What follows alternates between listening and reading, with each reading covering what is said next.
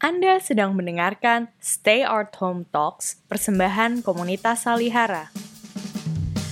Dalam Stay Art Home Talks volume kedua ini, kami menghadirkan perbincangan dan pembacaan karya sastra Indonesia dengan merujuk 11 plus 1 kata kunci pada peta sastra Indonesia yang disusun oleh komunitas Salihara. Selamat mendengarkan! Kesabaran Karya Khairil Anwar Aku tidak bisa tidur. Orang ngomong, anjing gonggong, dunia jauh menghabur. Kelam, mendinding batu, dihantam suara bertalu-talu. Di sebelahnya, api dan abu. Aku hendak berbicara. Suaraku hilang. Tenaga terbang sudah. Tidak jadi apa-apa. Ini dunia enggan disapa. Ambil peduli. Keras. Membeku air kali dan hidup bukan hidup lagi. Kuulangi yang dulu kembali sambil bertutup telinga, berpicing mata, menunggu reda yang mesti tiba. Maret 1943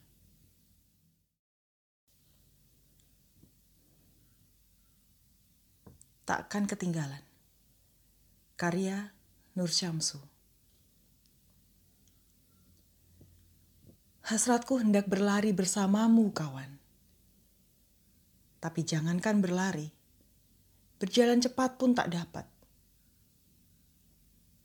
Bukan karena tenagaku kurang atau badanku lamban, tapi karena sarungku. Langkahku terhambat-hambat. Hasratku hendak membubung terbang. Tinggi. Tapi rambutku panjang. Tersangkut pada ranting. Kusentakkan rambut. Kebayaku sutra. Terkait duri. Keperempuanan. Itukah yang lebih penting? Tentu, tentu, aku juga mengaku. Tapi belum tentu aku kan ketinggalan. Dengan pekerti lembut, lenggok lemah gemelai. Cita-citamu gadis juga akan tercapai.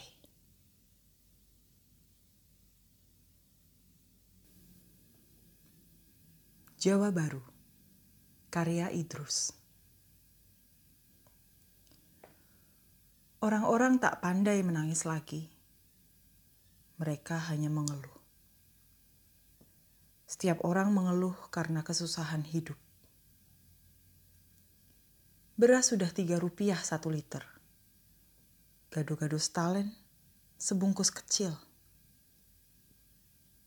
Di mana-mana orang berbicara tentang beras kesusahan hidup. Dan setiap orang itu menyalahkan Nippon.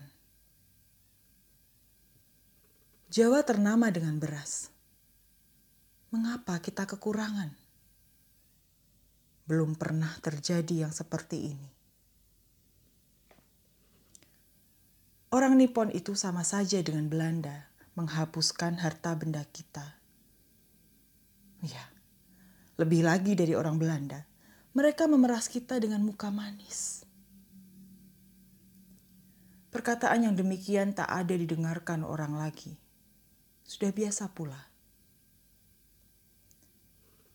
Di jalan-jalan raya, di muka-muka rumah-rumah makan.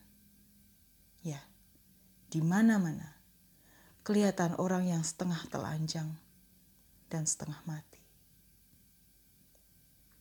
Mereka mengemis, minta lebih-lebih dari makanan orang. Tapi mereka tidak saja memakan makanan orang, tapi juga makanan anjing sudah sedap pula oleh mereka. Setiap hari kelihatan orang tergelimpang di tengah jalan. Orang banyak berkerumun, dan jika ada salah seorang yang bertanya, "Mengapa ia tergelimpang di sana?" Dijawab yang lain, "Untuk mencari makan." Seorang anak muda duduk di bawah sebatang pohon, telanjang sebenar-benarnya, seperti kuda atau binatang lain. Setiap orang melewatinya, ditutupnya sebagian tubuhnya. Tapi apalah yang dapat ditutup dengan dua buah telapak tangan? Anak-anak gadis melihat kepada anak muda itu dan mereka tertawa. Seperti ada yang lucu pada anak muda itu. Anak muda itu tak dapat berjalan, tak dapat mengemis. Malu masih ada pada dirinya. Ia duduk saja di bawah batang kayu itu sehari-hari. Jika hari sudah malam betul, baru ia berani keluar. Matanya selalu memandang ke kali dekat tempatnya itu. Dan jika ada bangkai ayam atau bangkai orang hanyut, tergesa-gesa ia turun ke kali itu, diangkatnya bangkai itu ke tepian, dan dimakannya. Anak muda ini pun kesudahannya mati juga.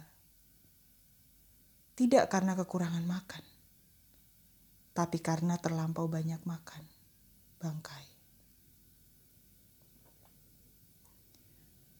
Perempuan-perempuan jalang pun sudah banyak yang mati kelaparan. Karena rezeki mereka sudah kendor pula. Beribu-ribu anak-anak gadis melamarkan diri menjadi perempuan jalang mereka ini mencari uang. Uang untuk membeli beras buat sanak saudara. Beribu-ribu orang pula berlumba-lumba mencari gadis ini. Akhirnya gadis-gadis ini pun mati juga. Karena bunganya sudah layu. Tak dihinggapi kumbang lagi. Anak-anak muda yang masih berbaju pun tak terhindar dari bahaya ini. Mereka semua pucat. Mereka melakukan onani untuk menghilangkan lapar. Akhirnya mereka ini pun mati. Kata dokter, karena banyak onani. Surat-surat kabar penuh dengan kabar perang tapi surat-surat kabar itu kosong dengan pekabaran seperti di atas. Seperti kejadian di atas itu tak ada terjadi di kota Jakarta dan di tempat lain. Jurnalis-jurnalis tiap hari disuruh ke mana-mana untuk melihat keadaan di sekeliling kota. Tapi yang ditulisnya hanya tentang kemakmuran bersama.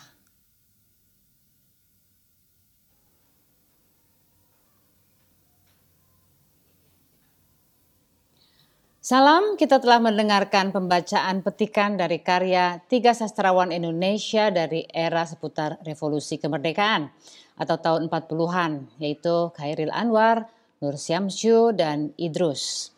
Dibacakan oleh Eugenia Elina. Kita kembali berbincang tentang sastra dalam podcast Stay Art Home Komunitas Salihara. Kali ini dalam tema mereka yang menolak tunduk di zaman Jepang. Dan kali ini saya, Ayu Utami, telah bersama Hasan Aspahani, seorang penyair yang mendapatkan penghargaan dan sosok yang punya perhatian khusus pada periode sastra Khairil Anwar, terutama ketika ia menulis bioga buku biografis Khairil Anwar yang terbit tahun 2016.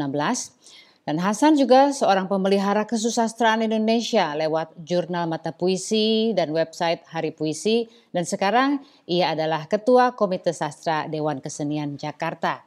Selamat bergabung Bung Hasan Terima kasih Mbak Ayu. Ya, terima kasih sudah bersedia untuk berbincang-bincang pada hari ini.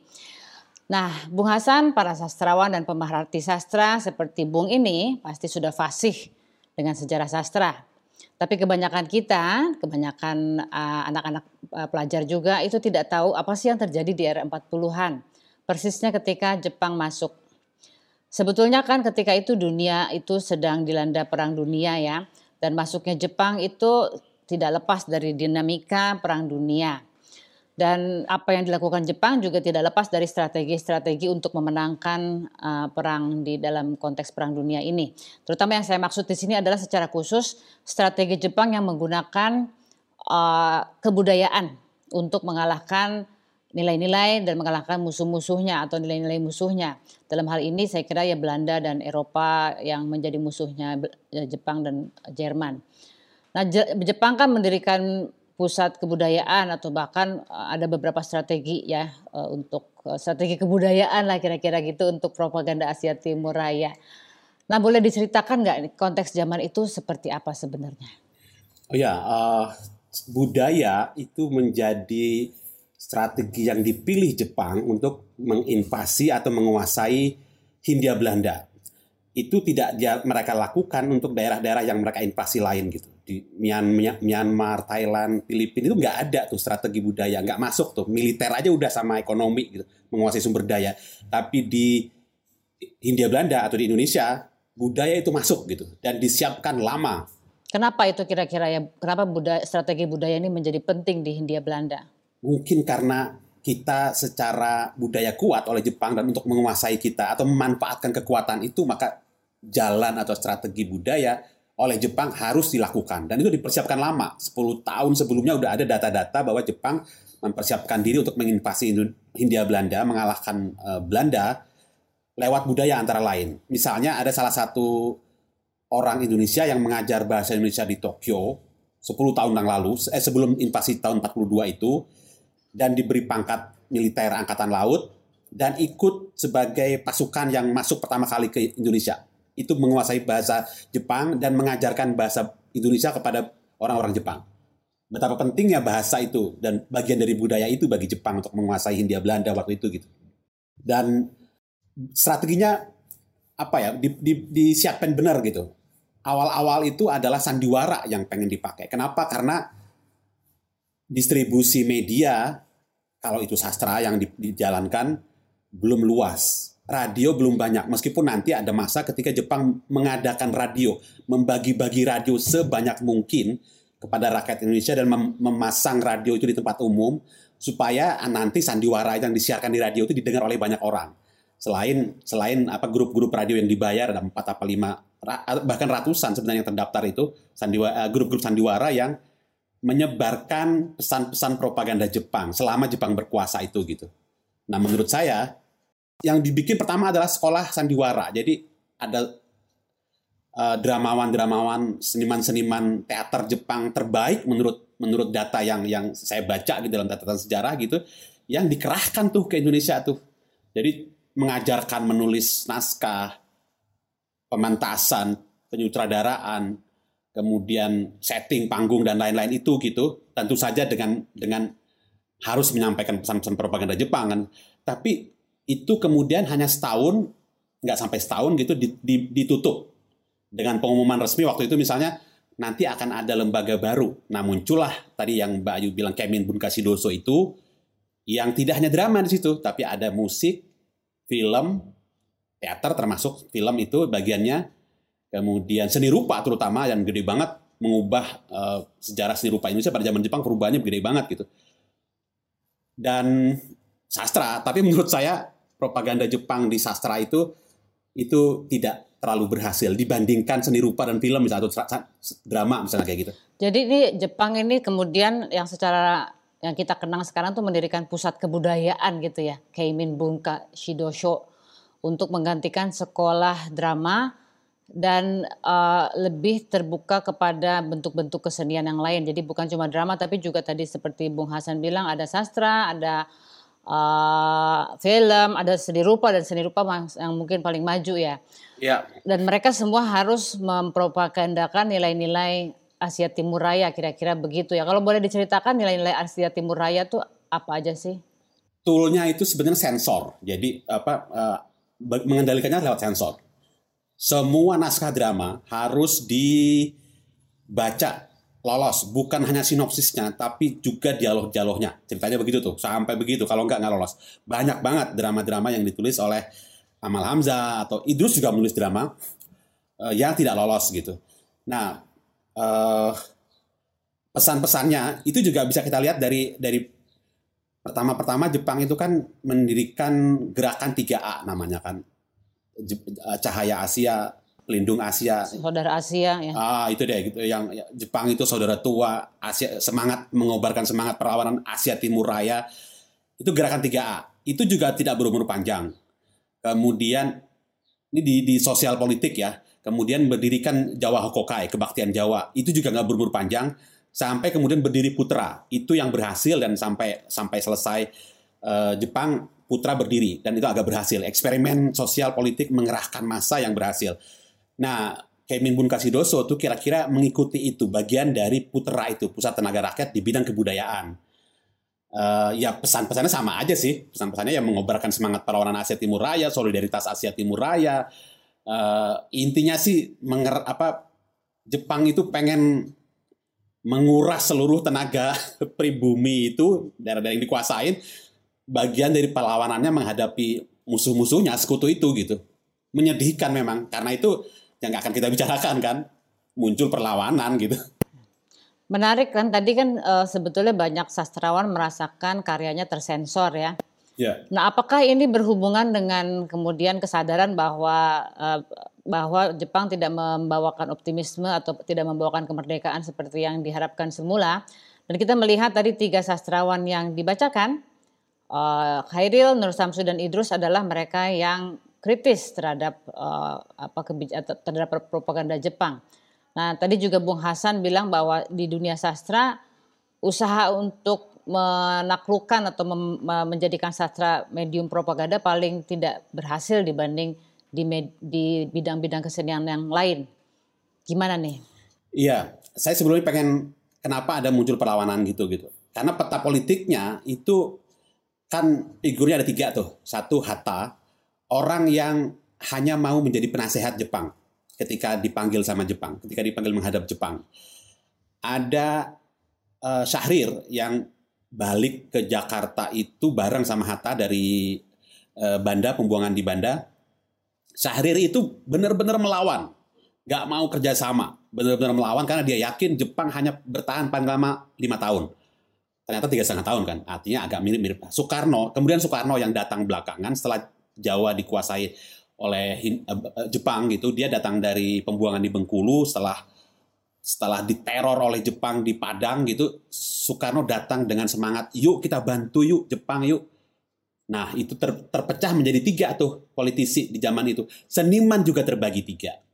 Nanti siapa-siapa yang melawan siapa-siapa yang mau kolaborator itu bisa di kan orang-orang pergerakan itu termasuk seniman-senimannya kan sebenarnya elit kecil yang nggak terlalu besar lah. Jadi petanya bisa dibagi ketiga orang itu, tuh, ketiga ketiga sikap orang terhadap Jepang itu gitu.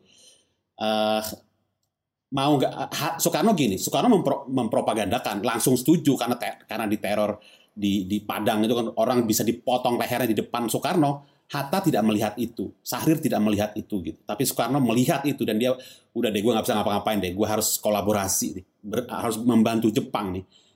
Karena karena itu Pak Sah, eh, Sahrir menulis pamflet perjuangan kita yang mengutuk orang-orang yang yang uh, berkolaborasi berkolaborator bahkan kasar banget kan anjing-anjing Jepang katanya begitu kan. Nah, terpecah tuh gitu. Jadi Soekarno berhasil menggerakkan beberapa orang yang akhirnya mau bergabung di Bun Kasidoso bagian dari uh, kerjasama Indonesia dengan Jepang itu gitu. Baiklah, sekarang kita lihat bahwa tadi menarik bahwa selalu dalam perkembangan sastra Indonesia itu sebetulnya tidak terpisahkan dari perkembangan politik ya.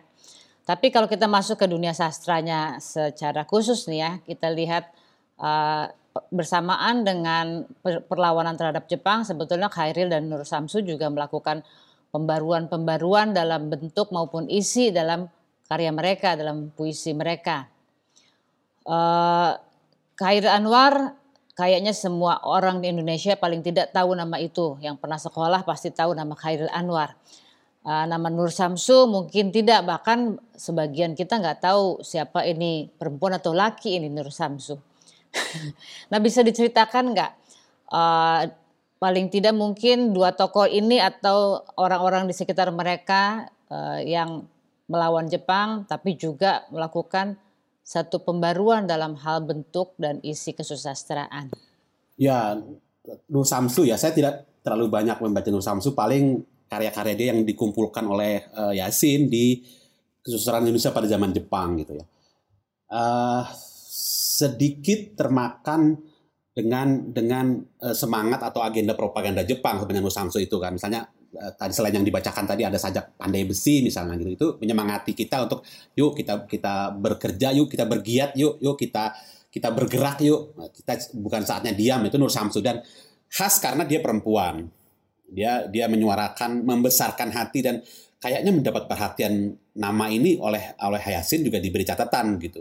Eh, eh perempuan juga bisa aktif dan bisa menulis dengan baik dan di, di, ditanggepin diapresiasi dengan baik juga oleh Yasin kan.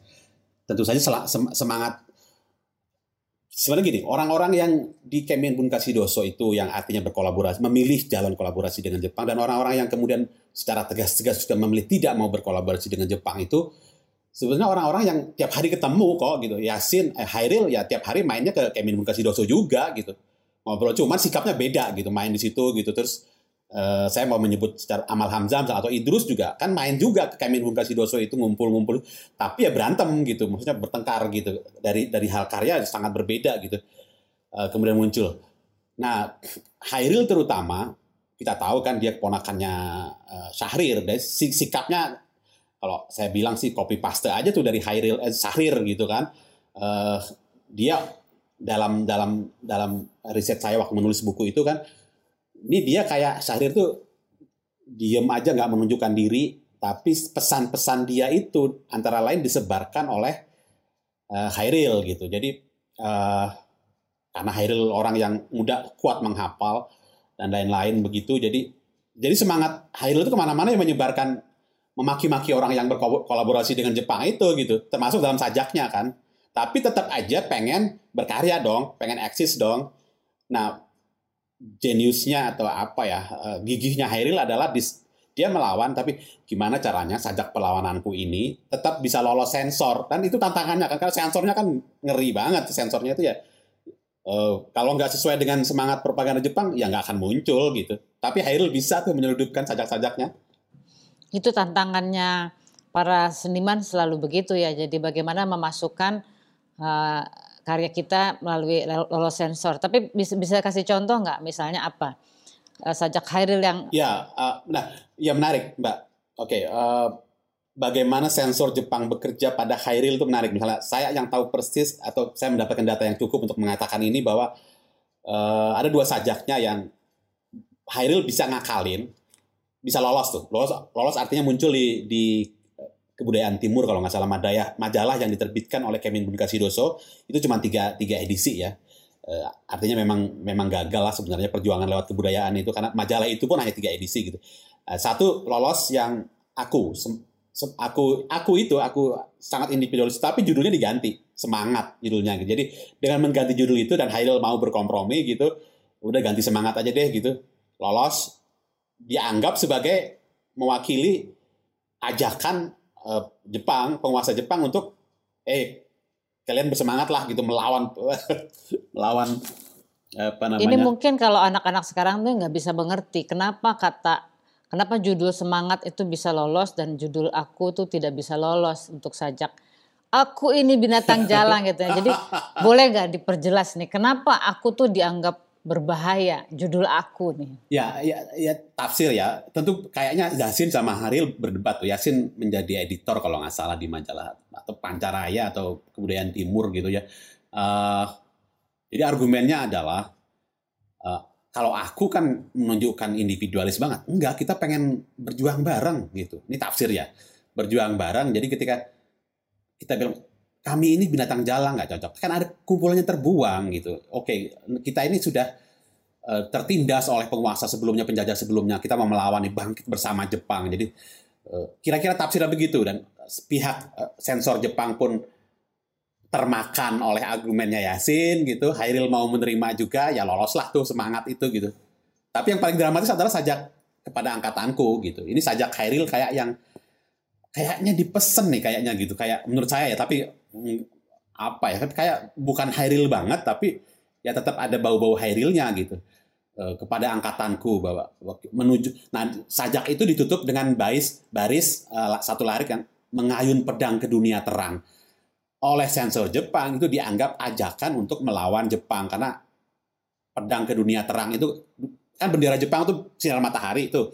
Jadi dianggap terang. itu adalah Jepang. Jadi nggak lolos tuh itu juga Yasin berargumen. Yasin orang yang yang sajak Khail ini harus dipublikasikan harus banyak banyak orang membaca. Karena inilah contoh sajak yang bagus menurut aku. Kira-kira Yasin begitu tuh. Jadi dia perjuangkan. Akhirnya dengan penjelasan harus melalui penjelasan itulah kemudian sajak kepada angkatanku itu lolos gitu. Jadi dua sajak ini satu mengganti judul, yang kedua memberi penjelasan tafsir terhadap apalah simile atau metafor dunia terang itu gitu.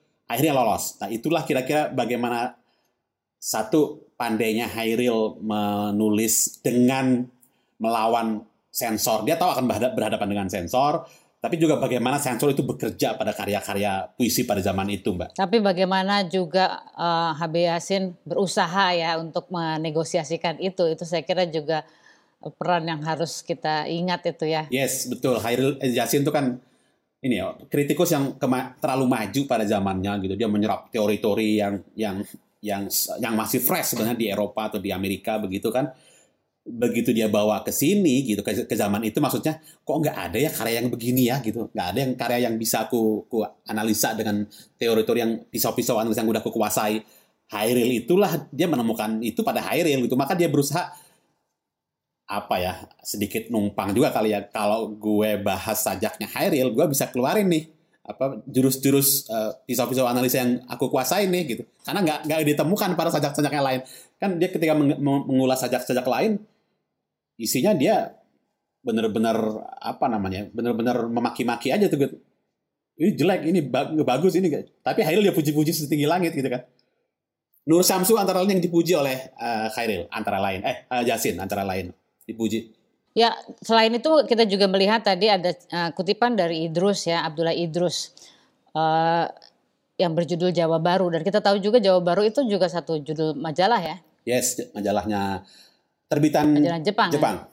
Penguasa Jepang. Dan dan isinya tadi kita lihat sangat uh, kritis pada uh, situasi di zaman Jepang. Ini bagaimana nih uh, pembaruan yeah. atau yang dilakukan oleh Idrus dan mungkin uh, dan teman-temannya atau bahkan lawan-lawannya? Oke, okay. uh, untuk prosa saya suka membandingkan karyanya Rosian Anwar yang ikut tuh, ikut uh, menyambut ajakan berpropagandanya Jepang gitu. Nah, cerpennya yang radio masyarakat itu kan menang di majalah Jawa Baru. Kemudian dimuat uh, empat edisi. Cerpennya panjang, empat edisi. Isinya benar-benar propaganda lah gitu. Cerita tentang anak muda yang sekolahnya bagus tapi kehilangan semangat gitu. Eh, nah kata semangat tuh pentingnya di situ tuh. Kehilangan semangat, gak mau ngapa-ngapain, gak mau dia, gak mau kerja, gak mau apa terus merasa sakit berobat ke seorang dokter namanya dokter Hamzah dokter Hamzah tuh kayak kayak eh, apa ya kayak metafor dari Jepang gitu orang yang tahu banget tentang situasi gitu dan dan dia merayu anda kan muda masih sehat terus eh, terus sepanjang cerita tuh adalah perdebatannya dokter Hamzah dengan atau pembicaranya dengan si Kuswari kalau nggak salah tokohnya itu gitu dan Kuswari itu anak muda pada zaman itu yang yang nggak tahu arah mau ke mana ikut Jepang atau ikut melawan gitu atau ber, apatis aja banyak apatis. Nah akhirnya si Kuswari itu lewat apa percakapan dialognya dengan Dokter Hamzah akhirnya mau bekerja bekerja di Palembang. Palembang kan kota minyak pelaju yang dikuasai Jepang pertama kali gitu kan jadi bekerja di sana gitu kayak benar-benar propaganda deh gitu. Nah itu contoh karya yang benar-benar menyambut ajakan untuk berpropaganda dan menang dong lomba lomba cerpen di Jawa Baru pada masa itu eh, Rosian Anwar menangkan. Nah sementara itu ada orang seperti Idrus yang dari awal semangatnya adalah melawan gitu. Seluruh cerpennya itu dan itu tidak pernah bisa mempublikasikan cerpen-cerpennya pada zaman Jepang. Semuanya terbit setelah merdeka tahun 45 atau 46 gitu kan. Termasuk drama-dramanya eh, cerpen-cerpennya yang memotret situasi yang kalang kabut yang kacau di zaman Jepang itu kan gitu.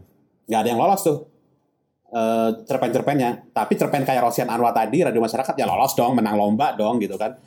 Uh, apa namanya? As, uh, Idrus itu bekerja untuk Balai Pustaka. Artinya ya bukan orang lama juga. Artinya orang-orang yang ada di lingkaran yang sama juga dengan dengan uh, Sultan Takdir, dengan Yasin, dengan Rosihan gitu kan. Tapi, nah itu dia pilihan.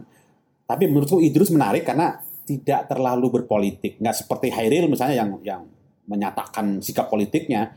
Idrus tuh benar-benar ngomongnya lewat karya gitu, lewat cerpen-cerpennya gitu.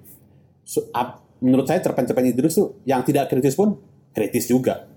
Idrus orang yang yang dengan pasti menyampaikan, tapi secara secara kualitas karya berhasil. Bahkan Yasin kan memuji dia sebagai orang yang pada posisi di, di, di, di, di prosa seperti Hairil di puisi memperbaharui gitu, membawa kebaruan dan membuat perubahan penting dalam uh, prosa Indonesia. Lagi-lagi itu lahir di masa Jepang karena melawan Jepang, karena semangat tidak ingin berkolaborasi gitu. Jadi semangat politik yang melawan Jepang itu ketika dituangkan dalam bentuk karya yang baik, yang digarap dengan baik, bisa secara eksistensi juga berhasil gitu. Itu, Mbak. Waduh, banyak sekali hal yang menarik dalam pembicaraan kita. Tadi Bung Hasan Aspahani mengatakan bahwa propaganda kebudayaan Jepang di kalangan sastra kurang berhasil dibanding di bidang seni yang lain. Ini kenapa? Pantas diteliti lebih lanjut. Sayangnya waktu kita habis. Kita akan berjumpa lagi dalam podcast-podcast berikutnya. Jangan lupa kunjungi kanal YouTube Peta Sastra Indonesia di mana kamu bisa belajar memetakan sastra dan pemikiran Indonesia dengan kata-kata kunci yang mudah. Salam